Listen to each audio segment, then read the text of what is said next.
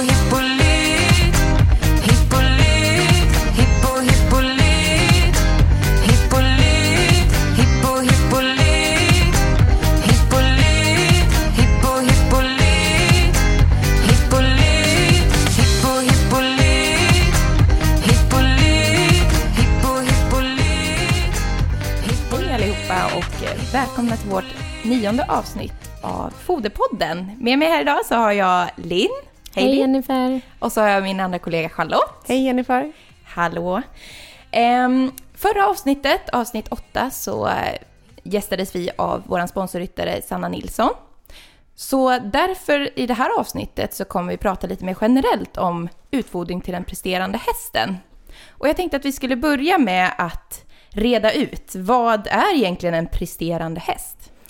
Man kan säga att en, oftast tycker jag att de flesta hästarna vi stöter på är ju inte presterande hästar, utan det är hästar som går ett lättare, kanske medelhårt arbete på sin höjd. Eh, och eh, det finns lite olika sätt att dela in de här presterande hästarna som, som vi brukar använda oss av för att veta hur hårt de går ungefär. Mm, precis, för man, alla hästar har ju ett visst behov av energi och protein och det är det vi kallar deras underhållsbehov. Det är alltså vad hästen behöver när han står helt still i en, en hage och inte motionerar eller rör på sig särskilt mycket. Sen så delar man upp arbete i eh, olika kategorier. Så att en häst som går i lätt arbete säger man behöver ungefär 20% extra energi. Eh, går han i medelhårt arbete så behöver vi lägga på ungefär 40% extra, så då ska han äta 140% av sitt underhållsbehov. Har vi sedan en häst som går i väldigt hårt arbete, nu är det inte många hästar som, som gör det, men då behöver de äta ungefär 160 procent av sitt dagliga behov. Och dräktiga digivande ston, de äter ungefär 190 procent av sitt dagliga behov, eller framförallt när de är digivande, inte så mycket när de är dräktiga. Um, och många hästägare, när, när vi räknar foderstarter som du var inne här på Linn, så lägger vi de allra, allra flesta hästar i lätt arbete för att 90% av Sveriges hobbyhästar går bara i lätt arbete. Vi rider inte så hårt som vi ibland kanske tror att vi gör, fast vi rider om 5-6 dagar i veckan.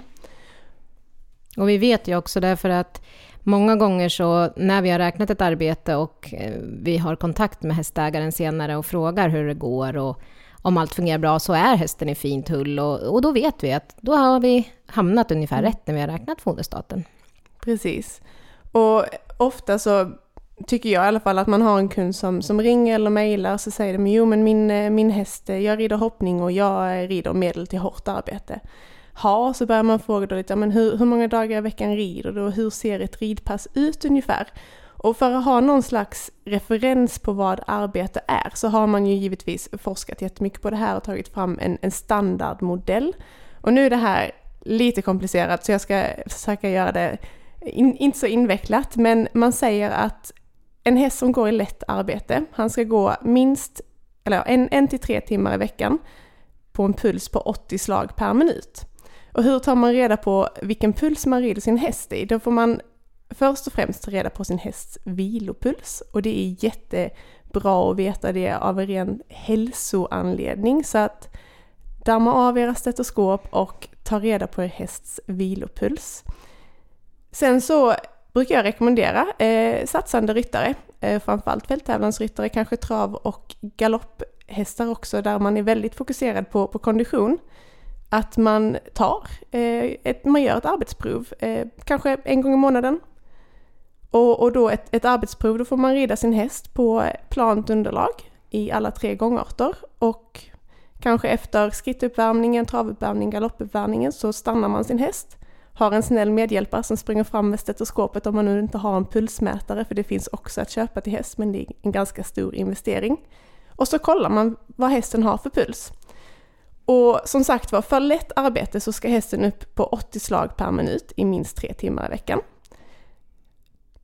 Medium hårt arbete ska hästen ligga på minst 90 slag per minut i 3 till 5 timmar per veckan och hårt arbete 110 slag per minut i minst 4 timmar i veckan. Ja, och som du, som du nämnde där i början Charlotte så är det ju kanske inte jättemånga som kommer upp i det här. Nej, nej. För om, bara en, en, ja, eh, för om man tittar på en, en vanlig hobbyhäst så har vi en vilopuls på sig 45 slag per minut. Och när jag skrittar så, man, man räknar generellt att, att pulsen ökas med ett slag per minut per kilometer hastighet man färdas i. Så även om jag galopperar i liksom 20 kilometer i timmen så har jag egentligen bara ökat hästens hjärtslag med 20 slag per minut. Det här är jättekomplicerat, eh, men det finns, det finns mycket att läsa om det och det är jag kan verkligen rekommendera att fram med stetoskopet och kolla era hästar. Det är jättespännande när man börjar nörda ner sig lite i träningsfysiologin. Det är ju för att få en uppfattning om om man överhuvudtaget är i närheten av ett hårdare arbete. Mm. Precis, precis. Och jag tänker lite, det finns ju lite olika discipliner eh, och det skiljer ju sig lite grann också mellan en hoppes kanske och en som galoppör. Eh, hur tänker du lite där Linn? Nej, men alltså det vi brukar säga är ju att trav och galopphästar, de gör ju ett mer högintensivt arbete under en kortare tid. Och hopp och dressyrhästarna, de gör det mer ett medelintensivt arbete under en relativt kort tidsperiod, men de har ju inslag av högintensiva arbeten när de till exempel samlar sig eller när de hoppar. De, de som rids på ganska hög nivå nu? Ja, alltså mm. precis. Att vi, ja, högre nivå av eh, hopp och dressyrhästar. Och fälttävlanshästarna, de gör ju båda de här ovanstående kategoriers arbete. Och sen har vi också distanshästar eh, som gör ett medelintensivt arbete men under en längre tid. Så att hästarna anstränger sig på lite olika sätt. Mm. Och eh, den största utmaningen med att utfodra högpresterande hästar är ju att de ska få i sig tillräckligt med näring eh, utan att man ska belasta matsmältningssystemet, eh, mag och tarmsystemet. Och eh, det är ju ganska svårt för man vill ju kunna ge en väldigt, ja, man vill ju kunna ge en koncentrerat foder, alltså man vill kunna ge en liten kraftfodergivare då och kunna ge en större grovfodergiva och fokusera på grovfodret som är hästens viktigaste näringskälla. För annars kan man ju få problem som magsår, kolik, eh, fång, korsningsförlamning. Um, och det, och det, finns ju en studie när man har gjort det bland tävlingsryttare. Eh, det är ungefär, i den här studien då, 140 stycken slumpvalda eh, tävlingsryttare som, och där har de allra flesta alltså, eh, utfodrat sina hästar med mindre än 1,5 kilo TS per 100 kilo kroppsvikt och dygn. Um, grovfoder är det nu på. Grovfoder, mm. precis. Um, och uh, det var bara 19 procent av de här hästägarna som utfodrade sina med det rekommenderade givan på 1,5 kilo TS per 100 kilo kroppsvikt. Så att, ja, eller mer. Och det är ja. ju lite oroväckande tycker jag, om det bara är ungefär 20 procent som utfodrar med mer än eller rekommenderad giva. Mm, och de flesta låg under. Och det man kan tillägga är ju att, att hälften av de här hästägarna dessutom rapporterade att de hade beteendestörningar på en eller flera av sina hästar. Så att hästarna vart ju negativt påverkade av den här utfodringen. Jag tror har man, har man en häst som är högpresterande så det ställer ju ännu högre krav på det grovfoder man väljer. Att man verkligen lägger krut på att hitta ett energi och proteinrikt grovfoder så att man kan ha en möjlighet att täcka in majoriteten av hästens energibehov med sitt hö eller hösilage. Många hästägare har kanske det motsatta problemet att man behöver hitta ett med mindre energi för att hästarna blir för runda men eh, just, just de här hästarna behöver verkligen ha riktigt kruthö. Mm. Ja, det finns ju en studie som är gjord på SLU just på travhästar där man har sett att de klarar sig väldigt bra på endast grovfoder. Eh, och de här hästarna är ju ändå högpresterande måste man ju säga. Och eh, hur, hur fungerar det lite? Kan, eh, kan, Lin, kan du eh, utveckla det lite där med, med en fiberrik diet? Att det, hur ja, det funkar det, det i muskler och... Men framförallt så är det ju så att har du en fiberrik kost så eh, får man en mer konstant energitillförsel än vad man får om man till exempel kompletterar med ett eh, kraftfoder som är mer näringstätt och man kanske ger en mindre giva utav det. Ehm, och eh, en faktor som ändå påverkas om man ger lite lägre givet kraftfoder, det är att man kan få en liten minskning av glykogeninlagringen i musklerna. Ehm, men, det, eller, men det är marginellt? Det är marginell mm. minskning av tid. Uh, och det som händer generellt sett när man, man fodrar på hästen, det är ju att man fodrar eh, glukos, eller man får i hästen glukos, eh, blodsocker höjs. Och då lagras glykogen in i musklerna eller levern. Och det här är någonting som kan bli eh, tillgängligt som energi senare, eh, vid arbete till exempel. Och eh, hos de flesta hästar som liksom presterar flera dagar efter varandra så är det då viktigt att man kanske kan få den här lite, lite snabbare glykogeninlagringen för att hästarna snabbare ska kunna återhämta sig. Då. Men sen ska man också nämna att vi, alltså, vi kan ju absolut påverka det, men har man tömt en hästs depåer helt så tar det minst tre dagar innan vi har fyllt på dem igen. Så att vi kan inte fuska oss till hur mycket som helst med fodret, utan ibland så behöver hästen helt enkelt bara vila. Mm. Och vi kan inte heller kolhydrat, kolhydratladda hästar som vi gör med oss människor, utan egentligen så handlar det om att ha en jämn och näringsrik eh, tillförsel av foder hela tiden, eh, istället för att tro att vi kan eh, snabbt eh, göra justeringar för kolhydratladda Mm. dem. Genvägar finns inte riktigt. Nej. Nej. Men det man ska uppmärksamma också när vi tänker på det, till exempel de här studierna som finns eh, på presterande hästar på, på grovfoder, det är ju att det är väldigt bra näringsvärde. Det dem. är ju det och jag tycker ofta att man får eh, frågor att ja men vad ska jag ha för näringsvärden på mitt grovfoder? Eh, för det, har du ett sämre näringsvärde på ditt grovfoder till en presterande häst då, då brukar man ofta behöva komplettera för att de inte ska falla ur och för att de ska orka prestera. Och ehm, därför så bör man ju också analysera sitt grovfoder för att veta vad det innehåller också. Och det finns ju, vi har ju lite rekommendationer där, vad vi, vad vi har för näringsvärden som vi rekommenderar till presterande hästar. Ja, alltså fr- framförallt så är det viktigt att komma ihåg vad vår häst behöver. Alla hästar har ju som sagt ett behov av energi och sen så vet vi att alla vuxna, friska, presterande hästar behöver 6 gram smältbart råprotein per megajoule omsättbar energi. Så att Och det vill- gäller ju även för presterande hästar. Ja, precis. Så, så vill vi ha en, en häst som ska överleva mestadels eller majoriteten på grovfoder så måste vi hitta ett grovfoder med den här relationen där vi har 6 gram protein per megajoule energi. Så att vill man ha några konkreta siffror att gå på, eh, har man ett grovfoder med 10 megajoule omsättbar energi, då behöver man ha 60 gram smältbart råprotein. Då bör man på pappret inte behöva tillsätta någonting extra förutom vitaminer och mineraler. Sen är verkligheten inte alltid eh, det som analysen säger, men det är minst den, en, en kvot på 6 som man bör leta efter. Ja, och att just en, en lättfödd häst eller en, en, en häst som går lättare ridning, den, den kanske mår bra av, fortfarande den här kvoten ska den ju ha, men att man har lite lägre näringsvärden. Mm. Och har vi då den högpresterande hästen, då kanske man vill komma upp i grovfoderanalyser som visar 10-11 megajoule eh, per kilo TS för att liksom hästen ska kunna äta tillräckligt stor mängd grovfoder och täcka så mycket som möjligt med grovfodergivan. För är det så att det är lägre energiinnehåll och proteininnehåll i grovfodret så måste hästen äta så många fler kilon för att den har ett så mycket högre energibehov än vad den lättfödda hästen har. Vad ska man tänka på nu då, och speciellt i år när det är en del grovfoderbrist? Eh, vad ska man tänka då på att, eh, att komplettera med? Om det är så att man får tag på ett grovfoder som är, som är låga värden i, om man har en högpresterande häst. Vad, vad kan man göra? Man kan ju komplettera med lite olika typer. Alltså dels kan man ju komplettera med ett spannmål. Och där har vi ju pratat lite om i förra avsnittet också, eller för förra avsnittet, att havre är det som passar hästen bäst. Eh, och man kan också komplettera med ett anpassat färdigkraftfoder där man har en bredare sammansättning och eh, man kan välja lite mer utifrån vad, vad man har för typ av häst då. Eh, man kan också komplettera med olja och det här oljan gör ju att man inte får med någon stärkelse men de kan ju bara eh, tillgodogöra sig små mängder av den här oljan. Och stärkelse har vi pratat lite om tidigare avsnitt, men vi kanske ska ta det igen. Ja, det är ju energikällan i våra spannmål som hästarna absolut kan klara av att äta och bryta ner, men de klarar inte av att bryta ner stora mängder. Så man måste vara lite försiktig med hur mycket stärkelse man väljer att ge sin häst.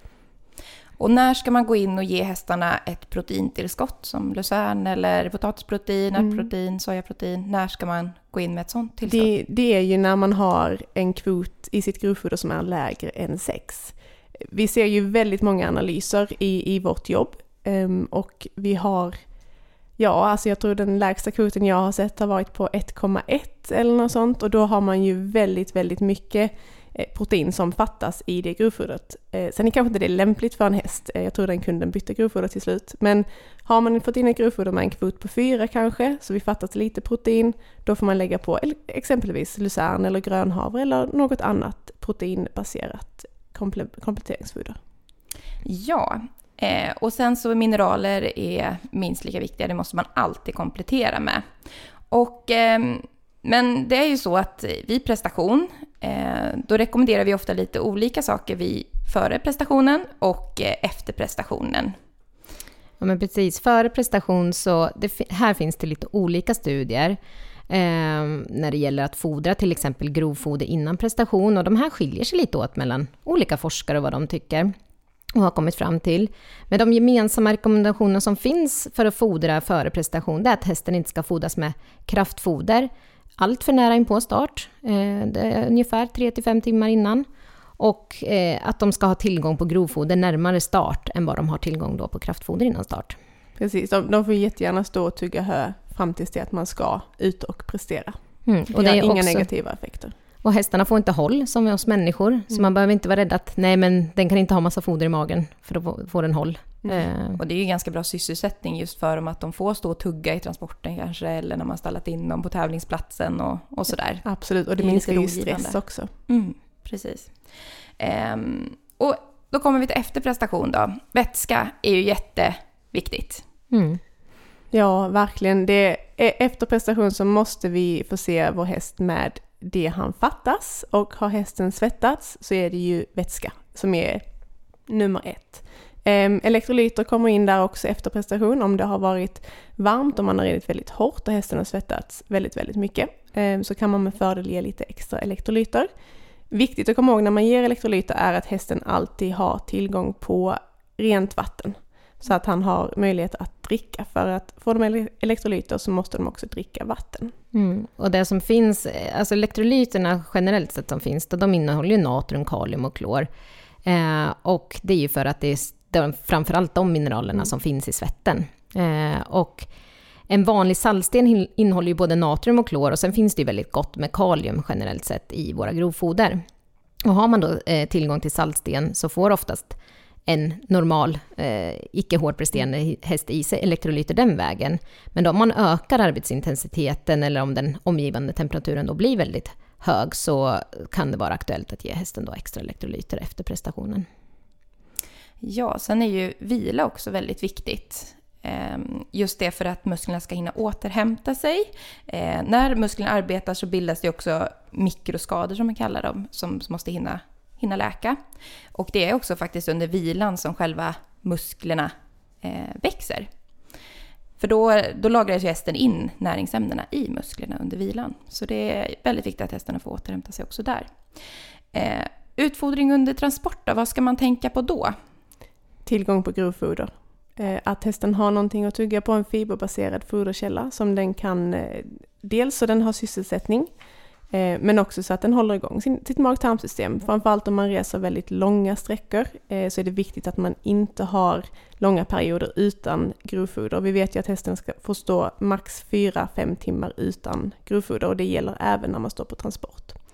Sen vätska, absolut. Och har man en häst som är väldigt dålig på att dricka, många hästar blir kanske lite nervösa, lite oroliga när de reser och inte vill dricka sitt vatten, då kan det vara en god idé att blanda upp vattnet med någonting gott. Eh, vi pratade lite om melass i för, förra avsnittet, tipsade du om det Jennifer? Vissa hästar gillar när de får äpplebitar eller hallonsaft eller annat i vattnet. Eh, sen har vi givetvis mashprodukter som också är väldigt effektiva och väldigt smakliga. Eh, bara för att få i hästen vatten då. Mm. Och det är ju så att vi, om man tänker lite generellt med presterande hästar så upplever i alla fall jag att det är många presterande hästar där man gärna vill att de ska gå på fri tillgång. De äter mycket grovfoder men att det är svårt att få i dem mängden grovfoder. Eh, och det är ju inte alltid helt lätt. Nej men precis, alltså många gånger så kanske de inte har ron att stå och äta så mycket som man skulle önska. Och eh, har man en häst som, även om de har ett, ett grovfoder av bra kvalitet, så kan man behöva gå in och komplettera då med kraftfoder eh, för att hästen inte kan täcka sina näringsbehov med den giva grovfoder som de själva väljer att äta upp. Precis, och, och har man en häst som är väldigt, väldigt dålig på att äta sitt, eh, sitt grovfoder, återigen nu är det här väldigt få hästar i det här landet, men det finns de som inte, inte äter. Och då när man väljer kraftfoder så kan det vara en god idé att och verkligen titta lite på innehållet, att man väljer ett fiberbaserat kraftfoder eller till och med ett, ja, som du är inne på, ett, ett grovfoderkomplement, att man ger upp med en höpellets eller lucern eller annat så att man verkligen förser hästens behov av fiber. För att det är ju ändå trots allt det viktigaste. Mm. För annars så kommer vi in på det här med foderrelaterade problem. Eh, väldigt många tävlingspresterande hästar har ju problem med magsår och liknande saker. Mm. Och det är ju någonting som vi kommer att komma in på i nästa avsnitt när vi ska prata om foderrelaterade problem eh, och utveckla lite mer där. Ehm, men jag tror att vi har hunnit med det mesta vi skulle ta upp det här avsnittet, eller någonting ni saknar? Tjejer? Nej, jag tror att vi har lyckats få med allting faktiskt. Ja, det, det tror jag med. Så att, eh, Och är det någon lyssnare som känner att nej, ni har inte fått med allting, så får ni jättegärna höra av oss, eller höra av er till oss. Precis, precis. Vad är det för kontaktuppgifter då? Ja, antingen så kan man ju mejla på info.hippolyt.se eller så kan man ringa oss på telefonnummer 04 13 486 100. Jättegärna Ja. höra av er till oss med inputs och frågor. Ja, och jättegärna faktiskt om, om det är någon nu som nappar på det här stetoskopsidén, jag vet jag tjatar. Men eh, ni kan ju eh, kanske skriva in hur det går för er träning. Eh, tränade ni så hårt som ni trodde eller tränade ni, ni kanske lite mindre eller lite hårdare? Det kan ju faktiskt gå på det hållet också. Mm, Det är spännande att höra. Jättespännande. Ja. Tack så jättemycket allihopa för att ni har lyssnat på oss idag. Ha det så bra! Hej då! Hej, hej. Hej!